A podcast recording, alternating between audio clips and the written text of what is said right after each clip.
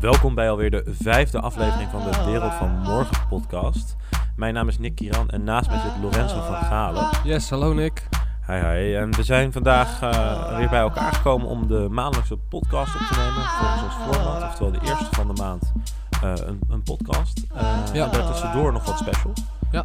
Uh, deze podcast nemen wij op uh, en plaatsen wij uiteraard in de podcastbibliotheek van iTunes. Dus die, waarschijnlijk de kans is groot dat je die ook op die manier luistert of via Soundcloud. Uh, maar we willen er gelijk bij zeggen dat we deze ook op YouTube plaatsen. Ja, we zijn dus ook te vinden op, op YouTube. Dus ja, wil je ons ook zien praten, dan, dan kan dat daar. En vandaag zul je dat zien met de mooie achtergrond van de binnenstad van Rotterdam. Wij ja. zitten hier op het, het plein bij Blaak. wie niet bekend is bij Rotterdam, in Rotterdam. Is dat waar de markthal is, is gebouwd. Dus we zitten hier in de bibliotheek. Um, het, het, het ouderwetse, of hoe zeg je dat, het, het epicentrum van de kennis van vroeger. Enorm ja. ingehaald natuurlijk, dit instituut. Klopt. Het is een beetje onaardig om te zeggen als we hier zitten, maar het is natuurlijk wel een beetje zo. Ja. Waar vroeger hier mensen kwamen voor de, voor de boeken en voor de kennis, komt men hier nu voor de gratis wifi en de ruimtes om in te zitten om podcasts koffie, op te nemen. Nou, voor de, voor, de koffie, voor de koffie kom je hier niet hoor, moet, ik, Nee, uh, moet, ik erbij, uh, moet ik erbij zeggen. Maar wel hartstikke leuk dat wij hier kunnen zitten. Ja, super. En uh, inderdaad, als je dit kijkt op YouTube, dan zul je zien dat, dat ja, we dit aan het opnemen zijn met de markthal achter ons. En maar zullen we ons even voorstellen, want ehm, ja, misschien luisteren mensen voor het eerst en misschien ja, luisteren mensen wel voor, voor meerdere keren. Maar dan kunnen we ons even voorstellen. Dus Nick, ja, wie ben je en wat doe je? Nou, mijn naam is, wat ik al zei, is Nick Kiran. Ik ben 23 jaar. Um, naast deze podcast doe ik een hoop freelance dingen, zoals het geven van marketingadvies. En daarmee bezig houden eigenlijk met business development en dat soort zaken. Ja. En studeer ik ook nog. Wil ik volgend jaar starten met een master in marketing management. Ben ik recentelijk afgestudeerd in de communicatie. En ik ben eigenlijk al vanaf jongs af aan bezig met technologie en met wat de wereld van morgen bezighoudt. Ik, ben, ik, sta, ik denk dat als je stilstaat, ga je achteruit. En als je vooruit loopt, moet je echt heel erg je best doen om vooruit, überhaupt vooruit te komen. Ja. En ik ben heel erg gefascineerd door, uh, door veranderingen in de maatschappij. Dankzij uh, technologie bijvoorbeeld. Ja. En uh, dan ga ik meteen vragen, wie ben jij? Ja, ik ben Lorenzo Vergalen. Um, freelance filmmaker en fotograaf. Um, en ja, ik, ik ben ook gewoon super geïnteresseerd in... Um, in uh, ja, wat de wereld van morgen in petto heeft. En eigenlijk uh, bespraken we dit altijd met een biertje. Maar uh, ja, het is net zo leuk om dit, om dit op te nemen. En vandaar de podcast. omdat het ons gewoon hartstikke interesseert waar we heen gaan met technologie, verschuivingen, mm -hmm. disruptie. Noem maar op. Nou, het heeft ons ook geen windeieren gelegd. Ik denk dat het ook leuk is voor de mensen die al meerdere podcasts van ons hebben geluisterd. Ja. Um, wij zijn begonnen in december met een pilotaflevering. Eind december, ja. Eind december, met ja. als doel uh, 1 januari uh, live te gaan, 1 Precies. januari 2016. En het idee was gewoon een pilotjaar voor ons. Ja. Dus 12 afleveringen, elke eerste van de maand. En we zien wel wat ermee komt. Nou, ja. uh, ik vond het, ik weet niet voor jou, maar ik vind het hartstikke leuk om te doen. Ja, zeker, absoluut. Ik zie jou ook wat vaker hierdoor. Ja. dat is ook niet, dat vind ik ook hartstikke gezellig. Ja. Uh, en daarbij uh, is het ook interessant om na te denken over dingen. Ik denk dat sowieso dat het nadenken over uh, de onderwerpen die wij bespreken, ik denk dat dat heel belangrijk is. En ik denk Ja. dat, dat dat ook de reden is waarom mensen het interessant vinden om naar ons te luisteren. Want dat kunnen we wel vertellen. Zonder het specifieke aantal te noemen, hebben we een explosieve stijging gehad in het aantal luisteraars. Ja, Ik absoluut. was, uh, we hebben, als je kijkt naar de, naar de uh, cijfers op, op Soundcloud. En ja, ook, gewoon onze uh, cijfers. Ja, ja. Ja, en ook uh, de cijfers op, op YouTube. Dan, Mhm. dan zie je dat mensen dat ook leuk vinden om op dat kanaal te kijken. Mhm. Um, dus ja, dat, dat is wel heel leuk om dat te zien dat, uh, dat het goed opgepikt wordt. Mhm. En uh, nou, ik denk, ja, weet je, we, we, we, hebben binnenkort ook een hele speciale gast. Hadden we al eigenlijk al, ja, klopt, waar we eigenlijk nu wel officieel toezegging voor hebben. Dat is Daan Roosgaarde. Wat natuurlijk super tof is. Datum noemen we nog niet, want Nee. Daanse agenda is Nee, precies. vol. Ja. Um, daarbij uh, zijn we ook nog wat bezig met wat andere partijen om, uh, om uh, ja, andere dingen te gaan bespreken. Dus er zit een hoop leuks aan te komen. Ja, we willen ons format een klein beetje alweer omgooien. En wat meer sparringpartners voor de wereld van morgen. Ja. Uh, toen we hadden de eerste aflevering hadden natuurlijk Rob Voets uh, al te gast. Maar het is sowieso interessant om ook buiten onze eigen bubbel te kijken en uh, mensen te vragen van wat is hun visie over bepaalde dingen. Zeker. En dat past denk ik ook heel goed binnen ons, binnen ons model. Nou, ja, als we kijken naar het aantal luisteraars, uh, nou, dan deze bibliotheek zou te klein zijn om ze te, her om ze te herbergen. Dat klinkt Ja. heel erg uh, apart als ik dat zo zeg. En wie dit op video kijkt, ziet ook een enorme glimlach bij mij verschijnen. Maar het, het, het gekke is dat het nog waar is ook. Ja. We, we gaan naar de capaciteit van een, uh, nou, gemiddelde eredivisieploeg. Als we in voetbalterminologie mogen zeggen. En dat is hartstikke interessant. En Eh, ja, we doen, eigenlijk wat we nu doen is dat we, we deze podcast nu dus, dus een aantal keer per maand opnemen.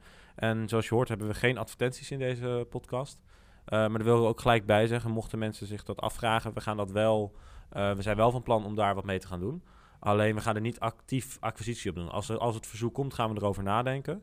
Eh, maar het is niet zo dat wij nu uh, actief uh, de podcast aan het commercialiseren zijn. Nee, nee het is voor ons echt puur, nou wat ik net al zei, we hadden het er normaal over dit soort dingen. Hadden we het normaal met een biertje of een wijntje. Mm -hmm. um, maar nu is het voor ons gewoon leuk om, om, het, om het op te nemen. En ook vooral vanuit onze eigen passie ervoor.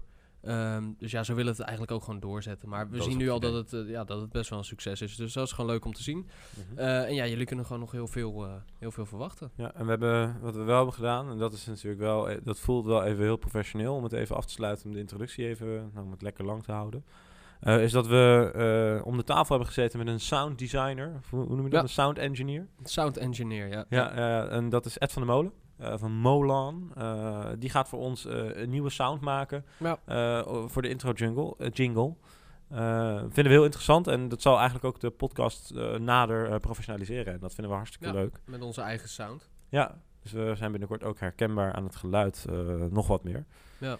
En met dat gezegd hebben, wil ik, het eigenlijk, wil ik eigenlijk meteen to the point komen.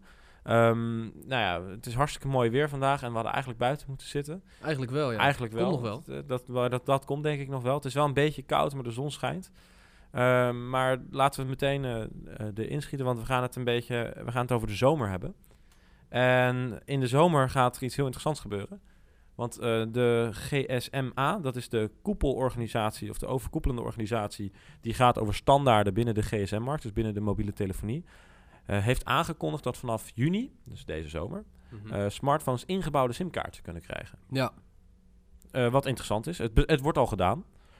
kijk, als je een 4G iPad Air 2 koopt, uit mijn hoofd zo snel, zit die er al in. En volgens mij dat Samsung dat ook al bij een aantal modellen doet. Ja. Sterker nog, Samsung is heel erg geïnteresseerd om deze techniek toe te passen in hun Gear smartwatches.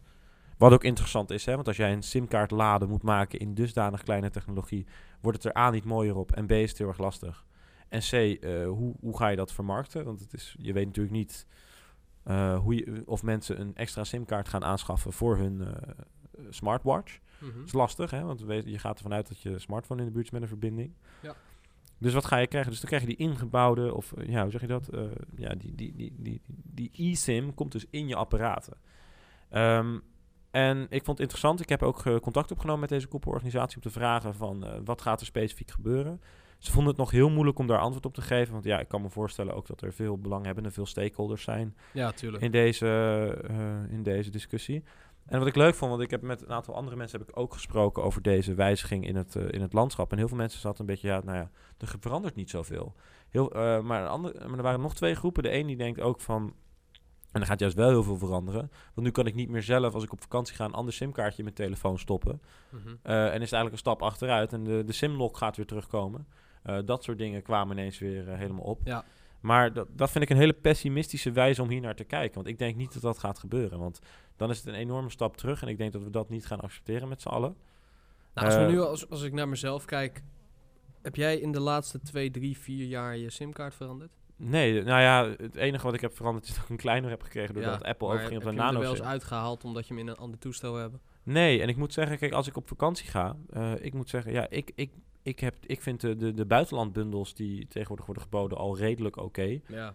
Althans, Klopt. ik moet zeggen, ik vind dat er nog een enorme stap in te winnen is. En ik vind het eigenlijk belachelijk dat je voor 4 euro maar een paar honderd MB krijgt, bij wijze van spreken. Mm -hmm. Maar het wordt wel beter. Uh, en sowieso, als ik op vakantie ben, hoef ik, uh, vind ik het ook niet heel erg om een keertje wat minder internet te hebben. Nee. Liever wel, natuurlijk. Eerlijk is eerlijk. Ik heb liever wel gewoon mijn connectie. Maar aan de andere kant, uh, je bent dan met zoveel andere dingen bezig... dat ja, die verbinding is dan op dat moment wat minder relevant. Ja. Uh, maar aan de andere kant, uh, zie je, daar gaan we het ook straks over hebben... die verbinding wordt wel steeds belangrijker. Want we gaan steeds meer... We doen sowieso al steeds meer met die verbinding. Mm -hmm. En als ik Apple Pay zou gebruiken actief... wat ik niet, nu niet heb... dan is een verbinding volgens mij onvermijdelijk. Ja. Nee, en, al, klopt. en als, als zou dat niet zo zijn, je, je wil het toch hebben. En dat is ook in mijn geval zo. Dus eigenlijk zien we het wel. We, de, de, vraag naar een internationale verbinding wordt groter. Maar ik doe dat niet door middel van een tweede simkaart. Uh, maar dan kan je je afvragen van hoe ga je dan van provider switchen? Ik denk dat daar wel iets interessants in te zien is. Want ja, ik denk dat een Samsung en een Apple gaan dat goed doen. Die gaan gewoon een, uh, een app maken op de telefoon of op je computer. Ik denk op de telefoon. En dan kun je heel gemakkelijk kun je selecteren van dit is mijn uh, simkaartnummer bijvoorbeeld. Dus dan krijg je gewoon een QR-code bij wijze van spreken in plaats van een simkaart. Ja. Je scant hem en het staat erin. Zo, zoiets zou de GSMA, uh, de koepelorganisatie, ook moeten, moeten pushen, vind ik. Om het goed te kunnen laten Ja. gebeuren. Ja, Want- het opent heel veel mogelijkheden, hè, want ehm, ja, we waren even aan het lezen en eh, dat zag je ook op Tweakers. Je had het net over reizen. Ehm, stel, ik boek een vakantie bij, eh, eh, bij Sunweb of bij D-Reizen of eh, you name it. Die kunnen daarbij eigenlijk een soort internetbundel gaan aanbieden. Eh, ja, met een lokale speler. met een lokale speler. ehm, die je gelijk bij je, bij je vakantie krijgt op een, op een goedkopere manier bijvoorbeeld. Of dat je in Eh, ieder geval minder door- over hoeft na te denken om het te kopen. Ja, door middel van een QR-code te scannen. Ja, of dat, zou het, gewoon, het zou toch top zijn als jij, gewoon, als jij het gewoon in één keer kan koppelen. Je krijgt, eh, stel je krijgt je bevestiging van je, van je ticket en dit en dat. En dan heb je ook gelijk je, je EU-internet erbij door middel van een code die je scant op je telefoon. Je telefoon herkent dat in zijn app Mhm. ehm, en het is geactiveerd. En het geeft ook meer concurrentie in een markt waarbij ik nog steeds denk dat er te weinig concurrentie is. We hebben in Nederland hebben we te weinig spelers om echt een goede competitieve markt te hebben. Dat vind ik niet alleen. Er zijn ook onderzoeken naar gedaan. Ja. Ehm, we hebben natuurlijk in Nederland hebben we Vodafone, eh, KPN en T-Mobile. En daaronder heb je natuurlijk de, de U-phones en dergelijke, de Simple. ja, en die- Tele2. maar- eh, ja, die, hebben, die hebben dus allemaal net, die zitten allemaal op het netwerk van die spelers. Maar ja, is natuurlijk niet echt een, een volledige concurrent. Want die kunnen nooit goedkoper worden dan de, Nee. dan de, want de kostprijs betalen zij niet. Zij Ja, betalen ze- altijd een ziet dat marge. ze soms wel, wel wat goedkoper zijn, alleen dan, dan leef je in op bijvoorbeeld 4G of snelheid. Ja, ja en dat, dat, dat, is- dat, maar dat is, ja, je zou zeggen dat is logisch, maar ja, dat is helemaal niet logisch. Nee. Nu komt eh Tele2 sinds dit jaar met een eigen 4G-netwerk. Ja. Waar ongetwijfeld voor- en nadelen in zitten. En waar ongetwijfeld ook eh, eh, dingen voor te zeggen zijn. Maar aan de andere kant denk ik dat, ehm, denk ik dat steeds meer van die fabrikanten of van die providers zo, zou, eigenlijk zouden moeten komen. Alleen het is natuurlijk heel moeilijk om een landelijk dekkend netwerk neer te zetten. Maar zodra jij wel een ingebouwde simkaart krijgt en het dus makkelijker wordt voor jou om, eh, om te switchen van een simkaart. Want dat kan nu ook, alleen dan kan het met één druk op de knop Ja, in zijn- plaats van iets fysieks bij je te dragen en in te doen. Dan zul je dus ook zien dat dat, eh, dat, dat ook misschien meer gedaan wordt. Dus wat ik denk, en daarom wil ik, eh, wil ik dit onderwerp ook heel graag hier behandelen, is niet zozeer dat ik denk dat deze wijziging eh, heel veel gaat veranderen in de zin van nou, dat we geen simkaarten meer hebben en dat we daardoor worden, eh, door de, worden gekneld door de markt, dat we altijd maar bij dezelfde provider moeten zijn. Juist niet, denk ik. Ik denk juist dat we een hele interessante beweging gaan krijgen. Nou, Eh, ik heb gevraagd aan de koepelende, over de koepelende organisatie en de GSMA of in die specificatie dus ook multisim zit verwerkt. Wat ik me niet kan voorstellen dat het er niet in zit. Nee. En ze deden er een beetje geheimzinnig over en ze zouden, we komen erop terug. En nou ja, dat hebben ze niet gedaan helaas. Want ze waren in het mobile, waren nog heel druk met het Mobile World Congress wat gaande is in Barcelona. Nu of vorige week. Dus ik snap het ook wel. Eh, het was ook een aankondiging voor op dat eh, moment. Maar ik denk dat multisim daarin zit. Hoe interessant is het dat jij... Oh, eh, ik, ik schets nu een wereld voor me. Of ik zie het voor me. En ik ben, dat maakt me ook heel enthousiast. Ik koop een iPhone. De iPhone, nou ja, op dat moment misschien wel de iPhone 7 of de 8 of weet ik het wat. Dat, daar zit geen simkaart meer in. Daar zit dus letterlijk geen... zij, hij wordt sowieso mooier erdoor, want je hebt geen simkaartlaadje meer, mocht je je daar aan, irriteren. Eh, maar ik zet dat ding dus aan. Ik heb al een, eh, een provider kan gepreload zijn doordat ik het bij Vodafone heb gekocht. En dat zij al aan Apple doorgeven. Nou, dit serienummer moet je dus mijn abonnement koppelen. Maar wat ik hoop en wat ik denk en wat ik ook heel gaaf zou vinden, is dat eh, de fabrikant of, de, of dat er een hele markt gaat ontstaan met veel meer concurrentie voor, voor specifieke doeleinden. Oftewel, ik koop mijn belminuut in bij Telfort. Ik koop wat data in bij T-Mobile. Ik koop wat extra data in bij Vodafone. En dat gaat allemaal naadloos over elkaar.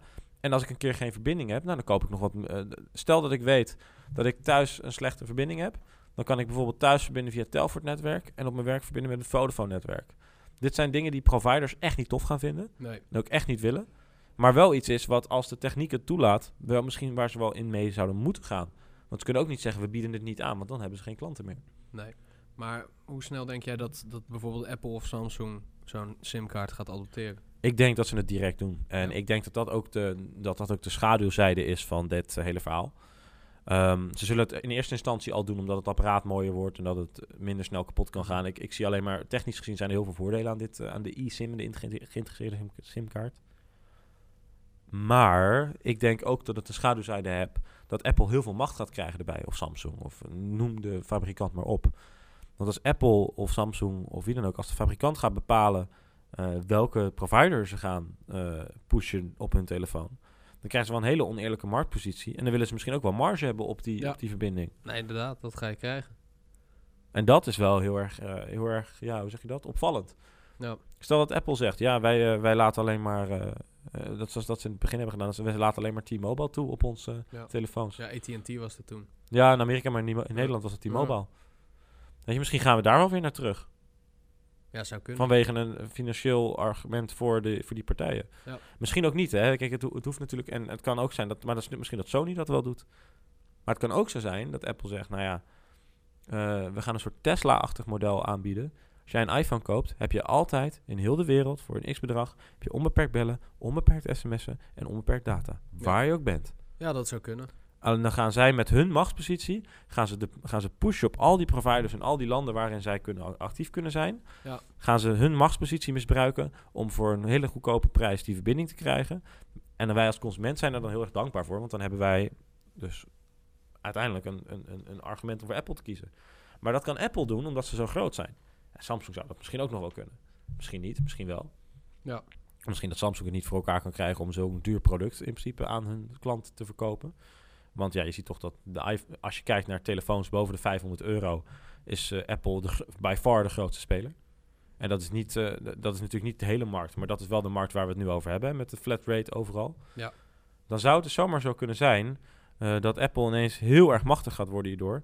En dat, dit, dat, dat, deze, dat deze verandering heel snel een enorme concurrentieslag kan verandering kan betekenen. Ik moet zeggen, het is, het is natuurlijk Het belooft heel, veel. Het, belooft veel. Voor mij is, voor mij is het heel nieuw. Ehm, jij, kwam ermee, dus jij, je, je zei van, nou, ik vind het gewoon heel erg interessant. Dus ik heb, er- ik heb er eens naar gekeken en ehm, het gaat heel veel voordelen bieden. Maar ik denk dat de, dat, dat de grotere spelers die nu ehm, het apparaat verschaffen, wel weer in een machtspositie komen. Zoals dat toen, toen ook is geweest met, eh, met, eh, ehm, ja, met de contracten die je alleen bijvoorbeeld bij T-Mobile af kon sluiten voor Mhm. de nieuwe iPhone.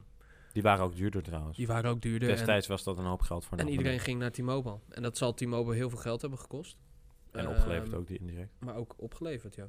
Ja, dat denk dus ik ook. ik ben be- heel benieuwd waar het heen gaat. Kijk, sowieso is het, is het, ehm, het fenomeen van in, in het buitenland internetten.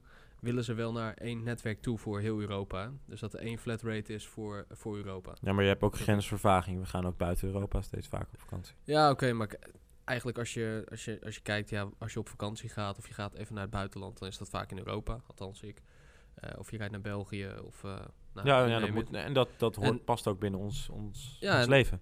En ehm, Als moderne Ik denk dat, of althans is gezegd dat in 2018 volgens mij, of 2017 al, dat er één flat rate ehm, eh, netwerk komt in Europa voor Mhm. zowel bellen, internetten eh, als sms'en. Maar die zijn er al, hè. En, en je ziet ook dat, maar je ziet ook dat... de- Ja, klopt. Je hebt bij Vodafone wel de zakelijke abonnementen. Precies. Dat je heel internet, Ja, dat je en- je hebt een- in het buitenland kan Rob gebruiken. had eh, Tree, geloof ik, heette dat. En dat was onbeperkt bellen, sms'en en internetten. En dat was in, in, volgens mij al in acht landen of zo. Dus dat was de Verenigde Ja. Staten, Duitsland, eh, de UK.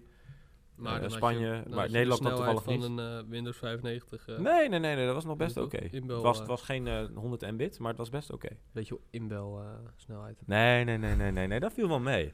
En, Ja. Maar ik denk dat het gevolg is gewoon direct marktwerking. Vodafone, Mm, ja, KPN. T-Mobile, Nederland, et cetera, die kunnen niet meer 12 euro per MB gaan vragen in Cambodja. Ik weet niet of jij dat wel eens hebt meegemaakt, maar ik ben wel eens in het buitenland geweest dat ik echt zo'n soort bedrag, ik weet niet wat het precies was, maar dat was gewoon echt iets van 4 euro per MB. Ja, nou ja, laatst in, eh, in Japan. Toen ik in Japan was, daar zijn de, zijn de tarieven echt belachelijk hoog. Zeker voor internet. Volgens mij betaalde er letterlijk, eh, nou, ik, denk, ik denk een paar euro voor- per MB. Ja, ja voor als Vodafone, nee, of weet ik het, wie, Nederlands provider klant Ja, in klopt. dat land. Nou ja, als daar, weet ik het, als Tokyo Telecom, weet ik veel ze heten daar, eh, voor, nou, die, Ja. stel dat die voor 10 euro omgerekend 10 gig aanbiedt. Ja, Dan is het, en, en je kan zo heel makkelijk dat dus voor, eh, ook al is het voor een week, dat meteen aanschaffen en meteen op je telefoon preloaden en gebruiken. kijk, dan is het hele concurrent, dan is, dan is Vodafone gewoon, of, of ik noem nu steeds Vodafone, maar dan is de Nederlandse provider gewoon helemaal weg. Ja, dat is wel grappig dat je dat zegt, want ik denk dat Tokio wel een mooi voorbeeld is. Heel veel mensen in Tokio hebben een wifi-kastje bij zich. Zo'n MiFi eh, ja, zo'n device. wifi-ding, dat kan je ook huren op het vliegveld. Eh, daar zit een simkaart in. Ja, die, Ehm, en die daar- zijn veel opgekomen, die businessmodellen. Ja, en, daar klopt. kan je, en daar kan je dan mee internetten. Het is wel grappig dat je dat zegt, want eh, heel veel buitenlanders die huren dat Omdat het gewoon veel te duur is om zelf te gaan internetten met je telefoon. Precies. Maar als die, sim, als die simkaart geïntegreerd zit, dan zou je straks dus gewoon op het vliegveld een QR-code of iets van een code kunnen kopen voor een week, kunnen scannen en dan heb je gewoon internet van Domoco. Ja, In plaats van dat je je simkaart moet veranderen eh, van Vodafone naar... en dan moet je naar een, een of andere Japanse telecomwinkel moet je gaan opzoeken, kost je tijd en Ja, die mensen verstaan je niet. En dat ga je echt niet doen. En dat, ja, kijk, Kijk, Japan en- misschien in Tokio wel, maar dan ga je in Cambodja ga je dat niet doen. Nee, nee, maar ik denk dat dat inderdaad... Voor, voor dat soort doeleinden gaat het, eh, gaat het de markt wel veranderen. Ik denk dat de grote spelers er niet eh, blij mee zijn, want ze verliezen wel natuurlijk eh, hun macht. Ja, zeker. Ja, dat denk En, ik ook. Zeker voor roaming, hè, voor buitenland internet. Maar ja, Da- op daar zie ik ook de grootste kans. Op een gegeven moment kan je niet anders. Als, als een nieuwe Samsung S komt en een nieuwe iPhone, wat gewoon de grootste spelers zijn, Ja, worden gewoon het meest, het meest verkocht. En daar zit op een gegeven moment een eSIM in. Ja, dan moeten ze wel mee. Dan kan je niet zeggen van... weet je, dan moet je, dan moet je als Vodafone en T-Mobile... Al doet alleen Apple al mee bezig. Ja, maar alleen, al doet alleen Ja. Apple het. Apple heeft volgens mij een marktaandeel van 30%. Ja, en Met technisch... één telefoon vaak. Wat je zegt, technisch eh, gaat het ook wel veel opleveren. Want zo'n, ja, als je kijkt naar dat slot, dat is best wel dik. Vergeleken met de dikte van een iPhone. Ja, zeker. En het is natuurlijk een mechanisme die je erin moet schuiven, noem maar op. Dus als het geïntegreerd zit in het, eh, in het toestel, op, de, op het moederbord of zo, dan, ja, dan heb je, dan heb je dat, dat laadje al niet meer. En misschien is het sneller, batterij efficiënter, dat hij niet Ja. continu hoeft te checken. Ik weet het niet hoor, ik ken de techniek niet achter een simkaart. Maar ik, ik zie technisch gezien heel veel voordelen. En, en we hebben de nadelen nu ook genoemd. Maar ik denk, dat, eh, ik denk dat je zelfs nog een stap verder kan gaan in de dienstverlening. Ik denk dat het best wel mogelijk is. Is dat Apple al van tevoren, of wie dan ook, een soort, niet een app store, maar een sim store heeft. Ja. En dat jij alvast op Japan kan zoeken. En dat je een soort markt, digitale marktplaats hebt. Waar je alvast data kan kopen. En zodra jij in het land eh, bent waar je moet zijn. Dat je dat misschien al kan gebruiken. En Ja. nu denk ik er heel makkelijk over. Alsof er ineens zo'n marktplaats gaat komen met, eh, met, met dat soort simkaarten. Dat, dat weet ik niet. Ik denk ook dat dat, dat, dat misschien te utopisch van mijn gedachten is. En te, te, te positief kijkende naar de markt. En, want het is natuurlijk nog steeds heel log. Maar ik denk dat een Apple wel de positie heeft om zoiets te gaan betekenen. En dan ga je dus Apple Telecom krijgen. Ze hebben ook al Apple banken. Apple is ook al een bank, hè? Want ze zijn ook al aan het... eh, en, en Google hetzelfde verhaal. Die hebben ook Google Pay of Mhm. Google Wallet. Als Google en Apple deze rol op zich gaan nemen... en dit omarmen en dit gaan doen... dan gaan ze dus nog een keer samen of alleen... dat maakt niet zoveel uit. Dan gaat het dus nog een keer een, een, een revolutie ontketenen. Ja, het is wel heel mooi. Kijk, zij bieden, heel, zij bieden de infrastructuur. Dit is mijn mening trouwens. Hè. Dit Ja, is wat ik Nee, voor me zie al toen ik dit al nieuwsartikel zegt, als jij zegt van nou, er komt een soort app store of marktplaats voor, ehm, voor data.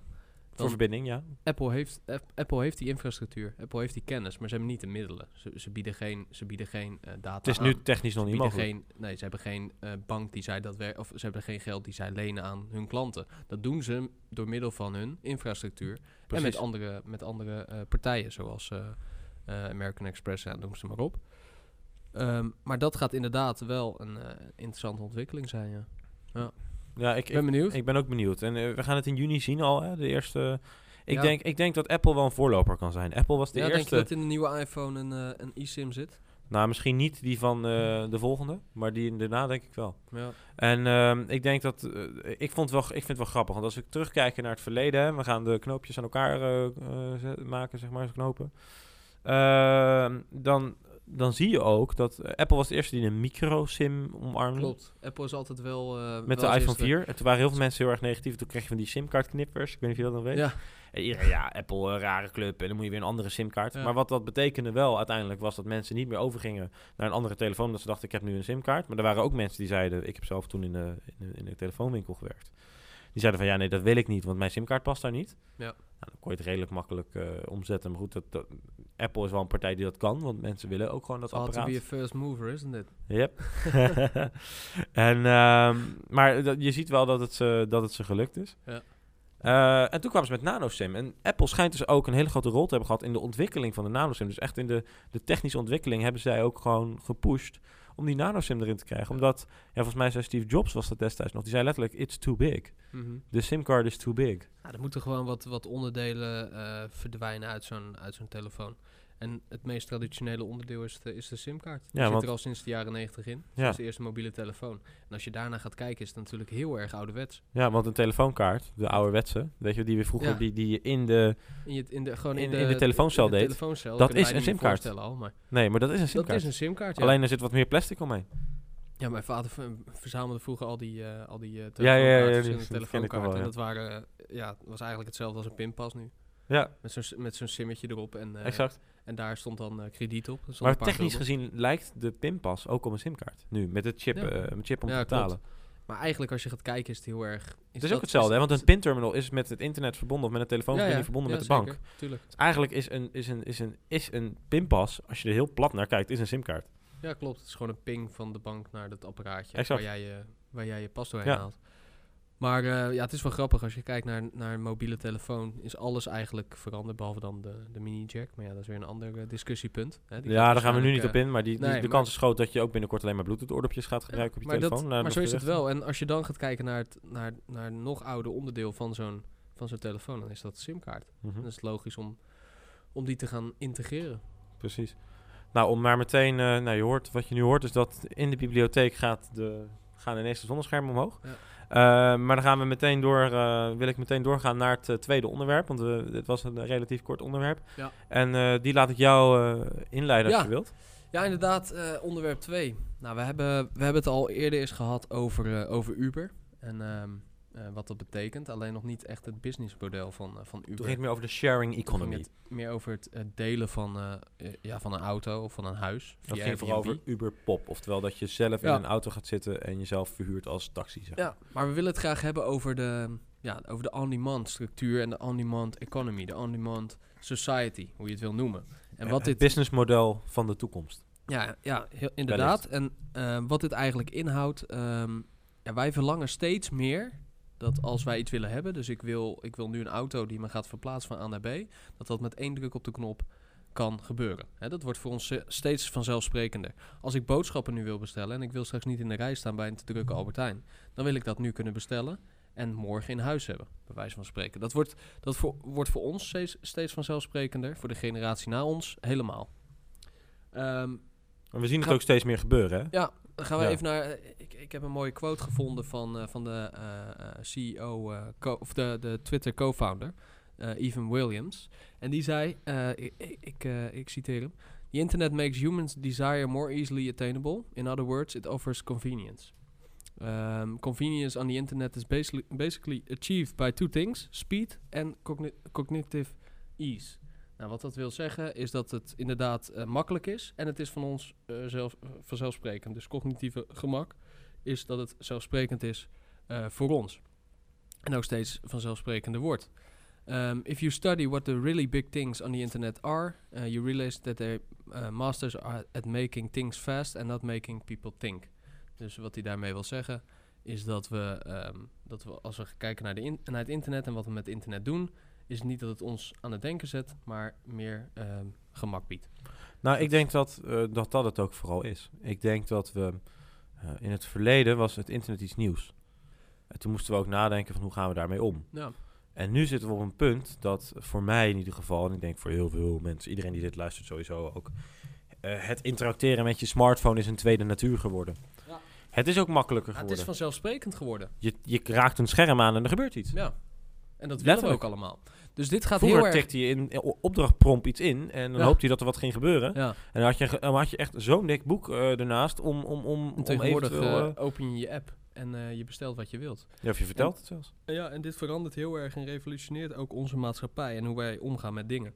En Mhm. eh, dat is eigenlijk het verhaal van on-demand. Eh, wij willen, wanneer we willen eh, tv kijken, wanneer wij willen eh, eten, dan willen we eten. We willen eh, eh, muziek luisteren wanneer we muziek willen luisteren. Komen we zo nog even op wat dat, eh, wat dat dan eh, inhoudt. Ehm, maar het mooiste en bekendste voorbeeld hiervan is natuurlijk Uber. Ik, ik, had, ik gaf hem net al. En, ja, ehm, die is ook heel... Omdat hij... Het mooie aan dit voorbeeld is, is dat hij zo visueel is. Ja. En, Nou, kijk, Uber is het eerste goede voorbeeld geweest van ehm, niet zozeer een app, want heel veel mensen denken in apps van ik, moet- nou, ik moet een app hebben om iets aan te bieden. Maar Uber is het eerste goede voorbeeld geweest om iets fysieks, dus een dienst, eh, te vertalen naar een app en dat goed te integreren samen. Dus mhm. wat, dat, waar, wat ik daarmee bedoel, is dat als ik die app open, eh, op een auto klik en een auto naar mij toe komt, dus een fysieke dienst, en dat dat integraal eh supergoed met elkaar werkt. Nou, het is een, de, Dat de is- dat het app is eigenlijk alleen maar een trigger. Kijk, de app, de app is niet het platform. Het platform is de, is de man die in die auto rijdt en die van jou een bericht krijgt via de app. De app is alleen maar een infrastructuur om te komen bij die man die in die auto rijdt, die naar jou toe komt, on En- demand. In die aflevering hebben we het toen ook over gehad, hè, dat, eh, dat ze bij de taxicentrale van Rotterdam hebben ze iemand zitten achter de telefoon. Ja.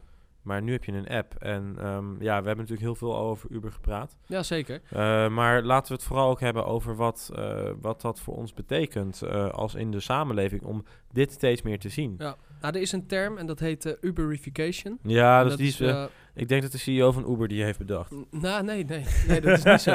Er is echt heel veel, heel veel over te lezen. Nee, tuurlijk. En ehm, ja, wat, hier, wat hiermee bedoeld wordt, is eigenlijk ehm, eh, dat, dat Uber het eerste goede voorbeeld is. En dat er heel veel voorbeelden daarna zijn gekomen. En heel veel mensen zeggen daarbij: Ik heb een Uber voor.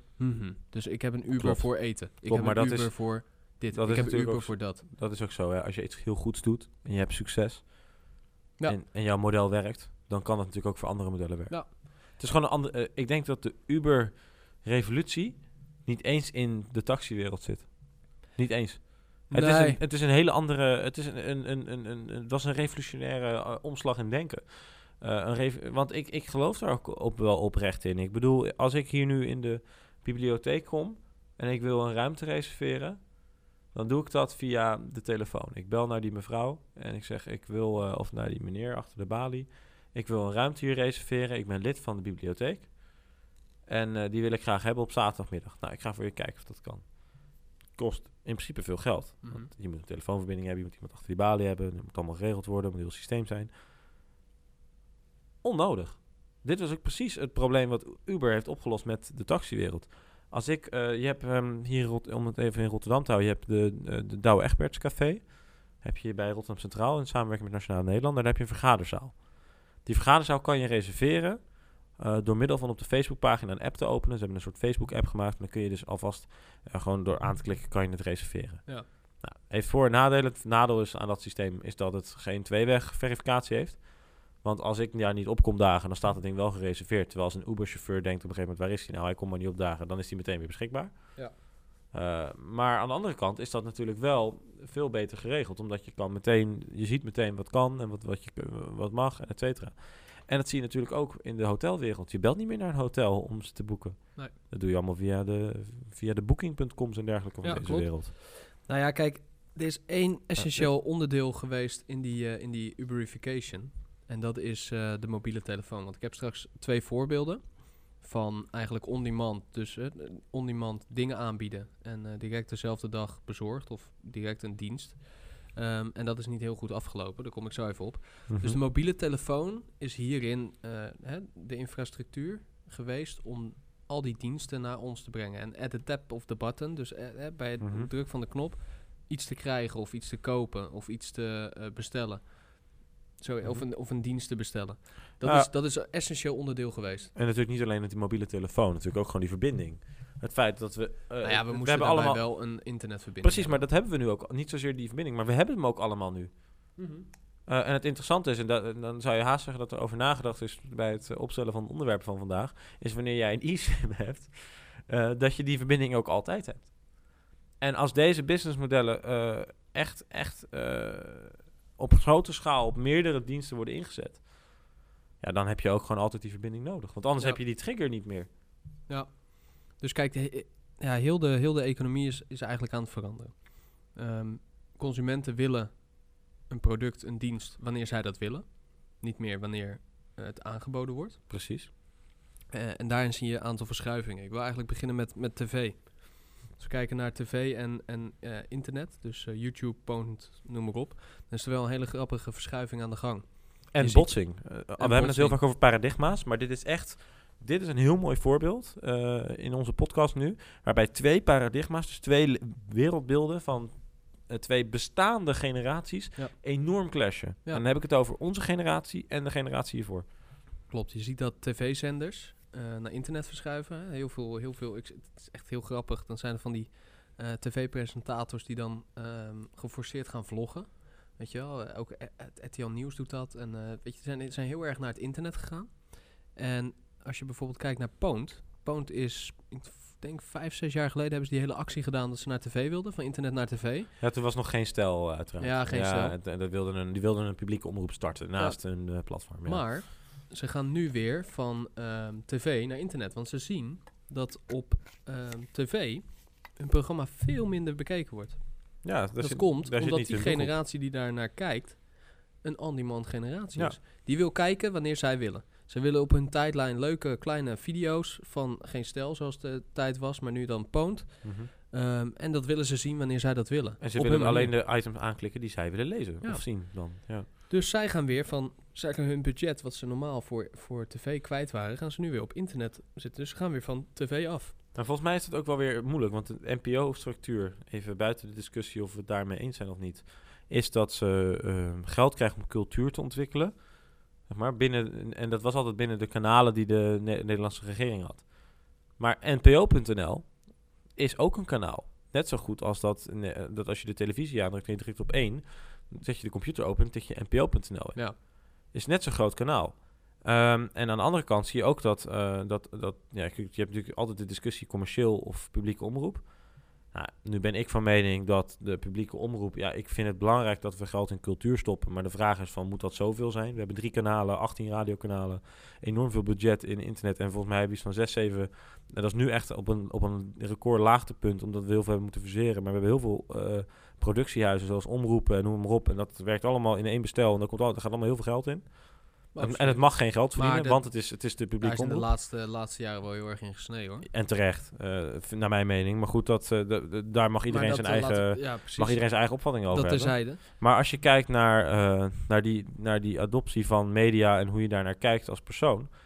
Eh, heel simpel gezegd, mijn vader die, die zou in staat zijn om heel de dag eh, op de bank te zitten. Bij wijze van spreken, heel de dag op de bank te gaan zitten. De tv aan te doen en maar eh, zich te laten overrulen door wat er wordt uitgezonden. Ja.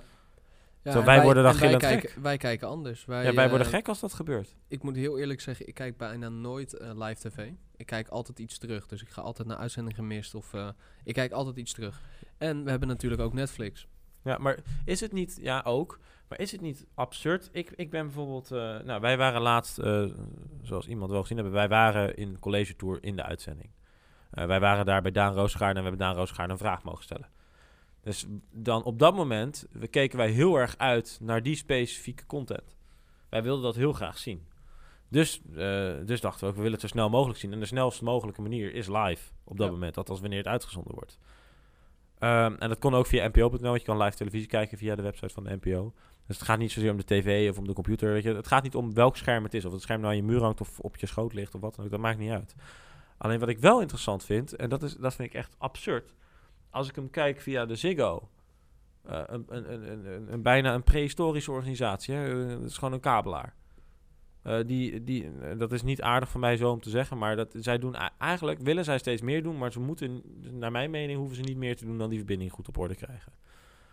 Dan heb je NPO 1, of NPO 2 was het geloof ik. En die komt binnen op 1080i geloof ik. Is de, maar goed, die komt op HD komt die binnen. Dan ga ik vervolgens op npo.nl ga ik er terugkijken, waar veel meer bitrates beschikbaar zijn. Wat veel makkelijker op die manier te schalen is. En dan kijk ik hem in een of andere prehistorische eh, resolutie van, eh. Van 500, eh, 500 pixels. Maar dat dergelijks. soort programma's worden, worden in SD-kwaliteit opgenomen. hè? Nee, nee, ik, snap het technische verhaal, maar ik, maar ik Dus bedoel... dat is niet echt AD. Nee, oké, maar de kwaliteit op internet is minder dan als ze maar gewoon uitzenden op televisie. Ja. ja. Ja, en terwijl de resolutie van mijn iPad is hoger dan die tv aan de muur. Maar als we dan gaan kijken, inderdaad, je ziet... Dus je ziet dat, het, nee, maar wat ik daarmee probeer te zeggen is niet zozeer technisch verhaal, maar de prioriteiten liggen er nog niet.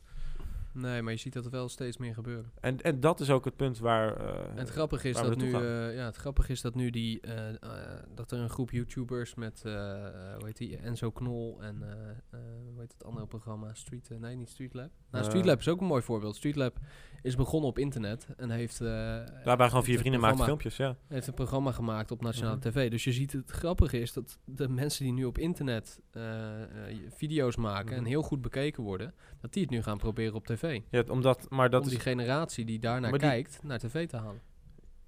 oh, misschien is dat de reden, of ze willen natuurlijk een andere doelgroep aanspreken. Ja, maar ik denk Mijn vader zit niet op Met YouTube. alle respect, ik denk dat, eh, dat mijn ouders niet naar Enzo Knol gaan zitten kijken. Nee, maar mijn ouders vonden Street Lab wel leuk. Ja? Ja, mijn moeder in ieder geval wel. Nou ja. Nooit, dat hebben mijn ouders nooit, eh, nooit gekeken. Ik kan me ook niet voorstellen dat gaan, dat gaan zitten kijken. Het is een leuk programma, maar ik denk dat dat wel weer heel, heel iets anders is dan bijvoorbeeld een Enzo Knol. Ja, Enzo Knol, heeft, Enzo Knol hè, die, die richt zich gewoon op jonge dames. En wat ik interessant vind aan, eh, aan dit he- deze hele verschuiving... de televisie was altijd heel moeilijk om... want je hebt maar natuurlijk maar, je hebt maar zoveel zenders... je hebt maar zoveel uren in de dag... dus je moet ook gewoon een zo breed mogelijk publiek pakken. Waardoor je niches niet kan bereiken. Deze discussie, als jij deze nu luistert... dan moet je je ook realiseren dat deze discussie nooit op de radio had plaatsgevonden... en ook nooit op televisie was gekomen. Gewoon puur omdat daar niet de bandbreedte voor is... en de tijd en de prioriteiten. Want wij, wij, wij hebben het over de wereld van morgen. Wij spreken een redelijk beperkte groep aan. Ook al is die vrij in, in groot in, in getallen, betekent dat niet dat dat dezelfde groep is. Ik denk dat er meer mensen, eh, en, eh, in, ook al hoe goed we het ook gaan doen, er zullen altijd meer mensen gaan kijken naar eh, Patty Bart, die van een, van een ijsschans afspringt, dan die mensen die luisteren naar deze podcast. Of naar een willekeurig wetenschappelijk. En, en terecht. Ik, ik, kan nooit, ik zou nooit Patty Bart willen ondermijnen of, of kunnen concurreren. Nooit. Nee. Daarom. Uh, maar uh, het volgend uh, heel mooi voorbeeld is, uh, is muziek, on-demand muziek. Wat Apple natuurlijk al sinds jaar en dag doet. Met Ja, iTunes. iTunes. Als Ja, je daar iTunes, als je, als je vroeger, iets hebben nu Apple Music, maar als jij in het verleden muziek hebt gekocht in iTunes, dan is dat eigenlijk nooit van jou. Je huurt dat.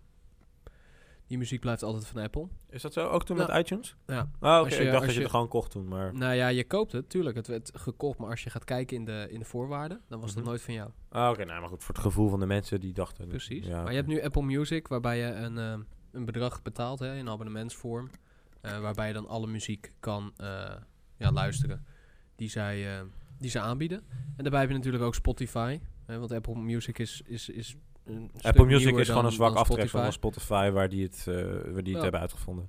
Apple probeert daar aan te haken, maar het lukt, lukt vooralsnog niet. Nee, en Spotify heeft natuurlijk ook gewoon alle muziek en dingetjes eh, erop staan. En dan kan je ook met een abonnementsvorm eh, alle muziek luisteren. Ja, het- tientje per maand heb je alle muziek die Ja. je wilt. Ja. Het grappige is, is dat dit ehm, in, de, in de late jaren negentig ook gedaan is door Cosmo. Het is helemaal geen nieuw, nieuw concept. Cosmo.com is in 1998 opgericht. En ehm, die beloofde om videogames, dvd's, muziek, eh, boeken en eh, eten te gaan leveren. Eh, gratis, binnen een uur van bestelling. Door middel van hun eigen eh, bike messengers en, en, eh, en bezorgers. Ehm, nou, de stekker is er drie jaar daarna uitgetrokken. Want eh, Klinkt ook het niet echt efficiënt. Nee, het werkte niet en het was totaal niet efficiënt. Eh, sterker nog, ze zijn heel snel uitgebreid en ze, konden, ze hadden de infrastructuur niet. Ehm, en het internet, ja, de, die internetbubbel was hè, de dotcom-bubbel. Ehm, en en dat, is, dat is totaal geflopt. Maar Maar het is, het is wel grappig. Is het, is het, het, is gewoon- precies hetzelfde als Netflix, iTunes, eh, als Spotify, ja. als Netflix en als aha.nl waar je eten kan bestellen. Ja. Alles in één. Ja. Alleen het was, veel, het was veel te vroeg en daar had ik het net al over. Ehm, zij hadden de infrastructuur niet om te komen bij die mensen. Ze hadden, Misschien ze hadden ze ook geen focus trouwens, want ze, doen wel, ze deden wel heel veel. Maar goed. Nee, dat kan ook, maar er was, er, was geen, er was geen app. Je kon geen app maken. Niemand had een, had een, eh, een toestel waar die app op geïnstalleerd kon worden. Dus je had, het was heel moeilijk om heel snel uit te breiden wat zij wilden. Mhm. Met zoveel producten en ook nog eens te leveren. Dus je ziet dat, dat, ja, je ziet dat eh, timing ook een heel belangrijk onderdeel is van, van zoiets. En dat, dat dit eigenlijk een heel oud concept is wat Spotify en Apple Music nu doen. En nu super goed werkt, want iedereen heeft Spotify of Apple Music. Ja, ik denk ook ehm, wat ik interessant vind om te zien. Hè, kijk, je, ehm, ik wilde hier eigenlijk later op terugkomen, maar ik denk dat het wel. eh, want onze andere. eh, laten we eerst even de andere voorbeelden doen. Eh, we hadden het over JetSmarten. Ja, Dat, was mijn, dat is, dat is mijn, mijn droom. Ja, ja, ik was een beetje aan het zoeken en toen kwam ik inderdaad op JetSmart. Hè. dat is mijn Ehm, droom. en we hebben Ik wil, natuurlijk ik Uber wil, voor ik de wil dat auto's. hebben. On-demand auto's of on-demand taxi. Maar ehm, toen kwam ik ineens op JetSmarter. JetSmarter. 8500 dollar per jaar. Ja, en dan kan je dus on-demand een privéjet Ja. nou, huren. Een stoel dan in een privéjet. Is een starter, een start-up van... start-up tussen aanhalingstekens van Jay-Z. Ja, Ehm, hij heeft- hij- visionair. Ja, hij heeft zijn geld eh, daarin zitten. Maar ik vond het wel heel tof. Want als je gaat kijken naar de site, ik zou ook aanraden om de- voor de mensen om, om er even naar te gaan kijken. Ehm, eh, jetsmarter.com. Daarin heb je een app, eigenlijk een Uber-achtige app, Ja. waarin je eh, jezelf je jet kan kiezen. En ze hebben ook wat, wat eh, zoals Uber de Uber Pop en de Uber Black heeft, hebben zij een, twee soorten jets of drie soorten. Je kan totaal een, een jet huren, dat kost geloof ik 22, vanaf 22.000 dollar. Eh, maar je kan ook een stoel huren ehm, en daar kan je ook eten bij, noem maar op. Ja, precies. Maar een basisabonnement kost, eh, kost inderdaad rond de 8500 dollar per jaar. En dan kan je dus onbeperkt in, eh, in jets vliegen, privéjets, waar stoelen in beschikbaar zijn. Ja. Ja, super, super tof. Op zich, als je bekijkt Ja. wat, wat, wat de prijs is, valt het best wel mee. Maar, ja, ja, 8500 ja. dollar per jaar. Ik bedoel, als je, als je drie keer vliegt, dan, eh, dan eh, nou ja, ja, ja, misschien wel. Als jij Ah, business class zit in een vliegtuig of Wellicht. first class, Ja, wellicht. Ja, dan kost ja, het ook ja. 2000, 3000 dollar. Ja, ik weet niet of het, of het de oplossing is hoor, begrijp me niet verkeerd, maar het, het, idee is natuurlijk heel leuk. Ik Ook- vind, ik vind in die, markt, in die markt is het, is het, is het de oplossing. Had je de heli-transfers gezien? Ja, maar als jij, als jij beg- ja, die heb ik ook gezien. maar dat is dan meer om, eh, dat is Geen gemopper, pak de chopper. Nou, die heli- ze hebben inderdaad ook een Uber voor, voor helis. En dan kan je vanaf New York, die vliegt vooral vanaf New York naar de Hamptons, dus Southamptons. ja, ja. Dat is wel Ja. grappig. En naar Miami, Fort Lauderdale. Wie zou, wie zou daar nou de doelgroep Ja. van zijn? Ja, oh jee. precies. Nee, Ja. maar ik vind het wel heel grappig dat zij, want zij zitten natuurlijk wel in een ontzettende niche. Ja. Maar er zijn superveel privéjets waar gewoon stoelen in Ja. vrij zijn. Waarvoor zou je die niet verhuren? ja, bij Roman niet inderdaad. Ja, het is toch super. Ik vind het echt super tof. Misschien is het, het is heel erg far-fetched en het is een super niche, maar ik vind het super tof. Ja, maar dat, eh, ik denk juist, eh, als iets een niche is, is het juist ook weer leuk. Ja, Ehm, laten we nu naar een... eh, maar laten we oh, niet vergeten hoeveel mensen het geld hebben om, om zo te vliegen hè, in Amerika. Nou ja, niet alleen in Ik bedoel, daar hoef Amerika. je, hoef je niet bekend voor te zijn. Er zijn genoeg mensen die eh, filantropisch zijn en waar dat interessant voor is. Nou, kijk, ik moet heel eerlijk zeggen, kijk, ik ben nu met de fiets, maar ik had ook mijn jet kunnen pakken. Ja. Dus ik Hey. heb, me- kijk, ze hebben nu een nieuwe fietsenstalling hier in Rotterdam geplaatst. Ja. En daar staat mijn fiets in. Maar ik vroeg ook nog of, ze, of wanneer... Ik heb nou bij de gemeente, ga ik zo ook even vragen... wanneer nou die eh, publieke helispots komen. Want zo op het dak. Ja, hier zo op het dak. Zou de wel markt mooi al. zijn. Maar gaan we het ook nog hebben over... eh On-demand boodschappen doen. on-demand boodschappen doen. Daar hebben we het wel eens eerder over gehad. Ehm, en dat ga, en dat is ook, daar kan ik ook een mooi bruggetje maken. Want we, we zien dat er nu een nieuwe... eh, Oké, wacht eerst even een ander voorbeeld. Er is een verpakkingsloze supermarkt gekomen in Nederland. Het was met Kickstarter geld was dat, eh, bij elkaar gesprokkeld. En dan kon je daar zelf met je pot naartoe en dan kon je zelf gaan vullen en afmeten. ja. En dat was omdat we te veel verspilling hadden in de, in de wereld. En we waren allemaal, inclusief ikzelf, oh wauw, dit is inderdaad de wereld van morgen. Hartst- hartstikke, hartstikke leuk links eh, idee. Ja. nou ja, jij noemt het een links idee. Ja, is het natuurlijk ook wel een beetje. hè. Terwijl de zonneschermen weer naar beneden gaan hier Ja. in, in het lokaal. En terecht. Eh, maar eh, je ziet dus dat die, dat businessmodel... Er waren heel veel mensen die waren, werden er, voelden zich er heel erg mee verbonden. Ik heb Ja. er nou zelf geen geld in gestopt in de vorm van Kickstarter... maar ik was het wel eens met het feit... Ja, het is eigenlijk belachelijk dat alles wat ik koop... zit een flesje, eh, zit, zit, zit verpakking omheen dat ik weggooi. Ja. Dat ik heb nu een flesje water gehaald bij de Albert Heijn... en dat flesje gooi ik straks gewoon weg. Nu heb ik ook een dopper, maar die lag nog in mijn auto. Dus vandaar dat ik hem niet heb gebruikt. Maar dat betekent niet dat ik niet geloof in, de, in, de, in, de, in, in het verpakkingsloze supermarktverhaal. En met mij geloven er heel veel mensen in. Alleen te weinig, want zijn failliet, helaas pindakaas. Helaas pindakaas van de potje. Maar eh, hij heeft er een potje van gemaakt, snap Nee, je hem? kijk, Maar eh, ja, oh wat zielig, die man. Oh. Maar in ieder geval, we zien Er dat zijn er, ook echte businessmodellen. ja, we zien dat er heel veel, ehm, heel veel on-demand dus gekocht wordt. Op allerlei vlakken. En on-demand boodschappen is daarbij een heel belangrijk onderdeel. Dus met de druk op een knop boodschappen doen. Of iets kopen. Ehm, ook dit is weer geen nieuw concept. Want ik, was dus even, eh, ik was dus even aan het zoeken. Toen kwam ik op Webvan. Webvan eh, schrijf je W-E-B-V-A-N. En dat moet je maar eens opzoeken. Super interessant. Is in eh 96, 1996 gestart met een online boodschappenservice. Was ik Hoe tof. Hoe tof. Ehm, ze zijn in 2001 alleen failliet gegaan. Net zoals eh, als eh, eh, Cosmo, waar ik het net over had. Ehm, en dit is tevens een van de grootste dotcom flops waar ik dus achter kwam. Je hebt pets.com, ik weet niet of je dat verhaal Wat kent. zei je? Pets.com. Nee, nee. Oké, nee. nou moet je maar eens opzoeken. Pets.com Nou, was het grootste dotcom eh, eh, ehm, flop die, de- die, er, die er was. Mhm. dat was een website waar ze spullen verkochten voor, voor pets. Pets. Huisdieren. Oh, op die manier. Oh, die ken ik wel. Sorry. Ik, zit altijd pets met P-A-D-S. Ik dacht Nee, je Senseo dacht, eh, Pets of zo. Ja, nee. eh. nee. Oh nee, die ken ik wel. Ja, dat, en, en ze waren daar ook heel erg van mening. Hè? Iedereen gaat hun eh, eten voor de honden Ja. via internet bestellen. Want waarom zou je dat in de supermarkt kopen? En in Webvan eh zijn ook echt letterlijk miljarden gestopt. Eh, maar wat hier ook weer het probleem was, de infrastructuur was niet, was niet goed, was er nog niet. Ehm, het platform was nog niet goed, was er ook nog niet. Mensen waren er nog niet klaar voor. Dus het lag weer heel erg aan timing. En ik vind het wel grappig, want ehm, je ziet nu dat, dat al dit soort concepten eh, wel gewoon werken. Zoals zo'n Cosmo al aanbood. Die, die bood gewoon een DVD aan waar je dan een fysieke DVD kocht. Mhm. Eh, en dat werd dan in het hoesje, in het doosje, werd Ja, dat ja. naar jou toegebracht en jij deed hem in je DVD. Vandaag de dag doen we dat weer net iets anders. Dat komt omdat dat platform gewoon veel beter nu werkt. Efficiëntie ga je- enorm gestegen. Precies. De En dit is- efficiëntie was er toen nog niet. Nu koop je op iTunes of op Netflix, eh, En dan heb je tik, je, content inderdaad. tik je iets aan en hij gaat afspelen. Je Ja, hoeft en niet meer het fysieke doosje in te Nee. kopen, te verkopen, ehm, te verschepen. Uit het In doosje geval te halen. van media heb je, daar gelijk in. in je DVD te doen. In je Ja. DVD spelen. Hetzelfde met, eh, hetzelfde met Steam, hè? Ken je Steam? Ja, dat is voor de spelletjes. Ja, Steam. Super, super interessant.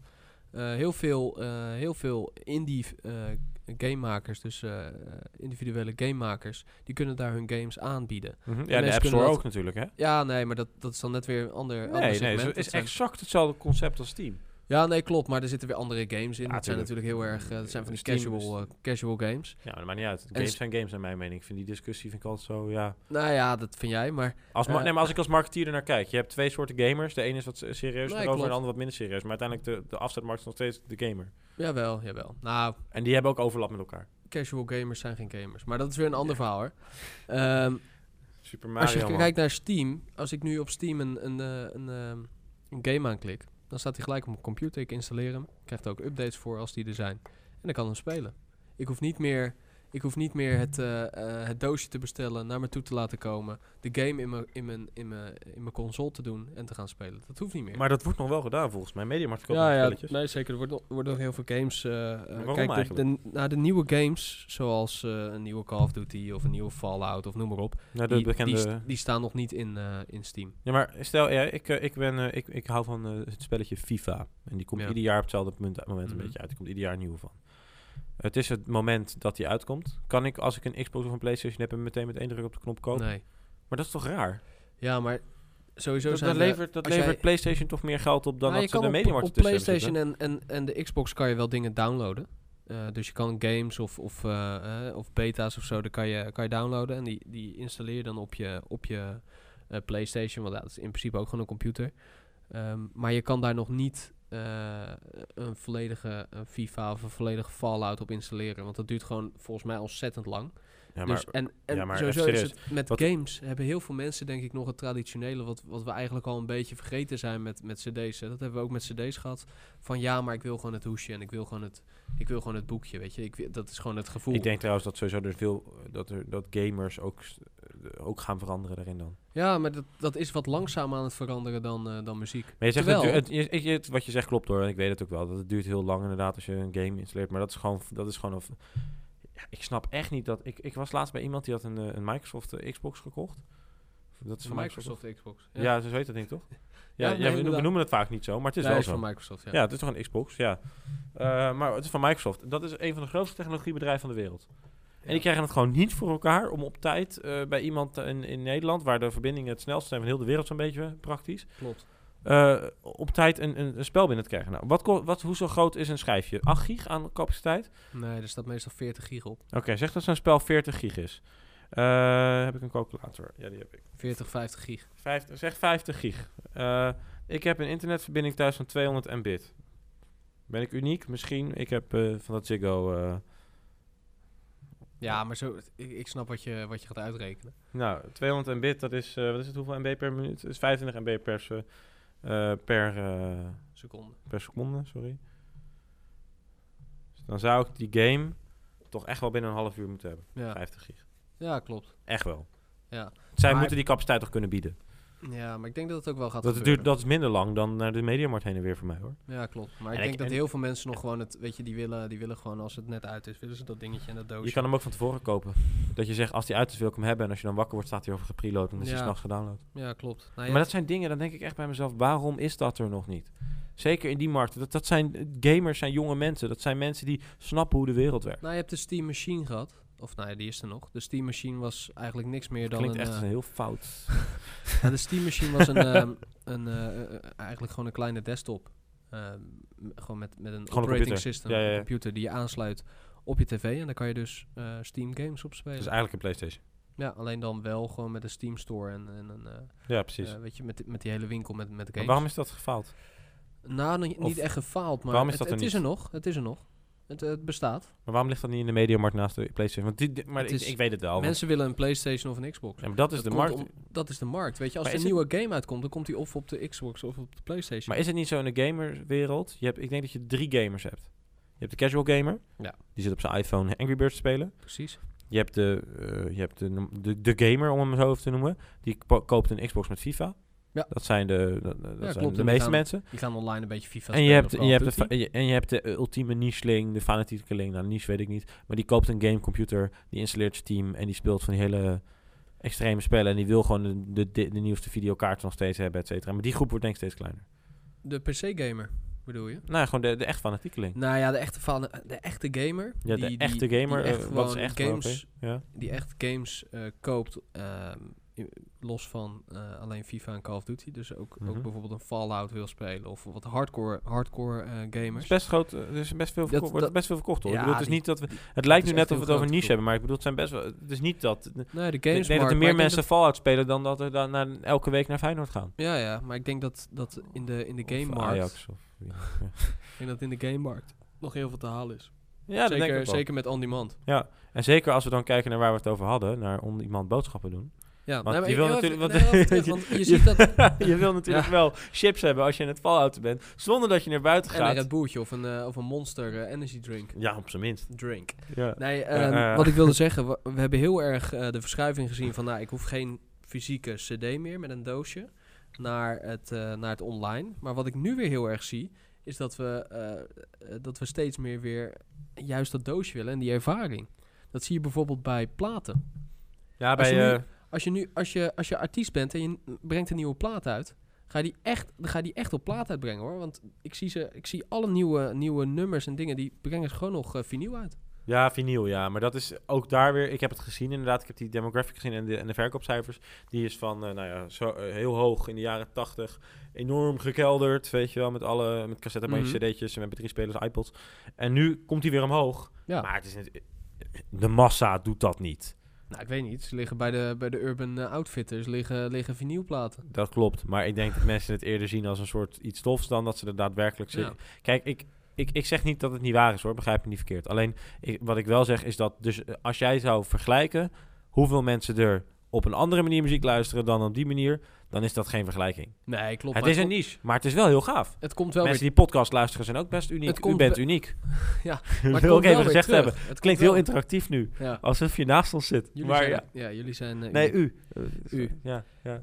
Maar ik vind, ik vind het wel grappig, want eh, we willen wel alles on-demand. Maar bijvoorbeeld met muziek, wat eigenlijk al een van de oudste on-demand markten is. Of e- een van de eerste. eh, want we Eerste, hebben in ja, ja, ja, die 2001 hebben we eh, iTunes gehad. Ehm, en dat Ja, is Spotify was ook een van de eerste binnen Ja. dit eh, model, ja. Ja, maar dat was eigenlijk gelijk naar de, naar de web van waar ik het net over had. En de Cosmo. Wa- Waren, waren ze een paar, paar jaar later. En toen, is het, toen heeft het wel gewerkt. Maar dat komt waarschijnlijk ook door de drager. eh, waar we het over hadden. Het apparaat, de mobiele telefoon. Ja, Eh, met internet. Ja, muziek Is daar heel belangrijk in. Maar ook, ook qua internet, hè. Ik bedoel, als, jij, eh, als, je, als je kijkt naar de ontwikkeling van mobiele, mobiel internet... Ik heb maar 6 gig data per maand. Ik heb ook een hele discussie gehad met Vodafone deze week. Maar ik, ik heb echt een hekel aan, eh, aan alle providers in Nederland. 6 gig is te weinig voor mij, nu.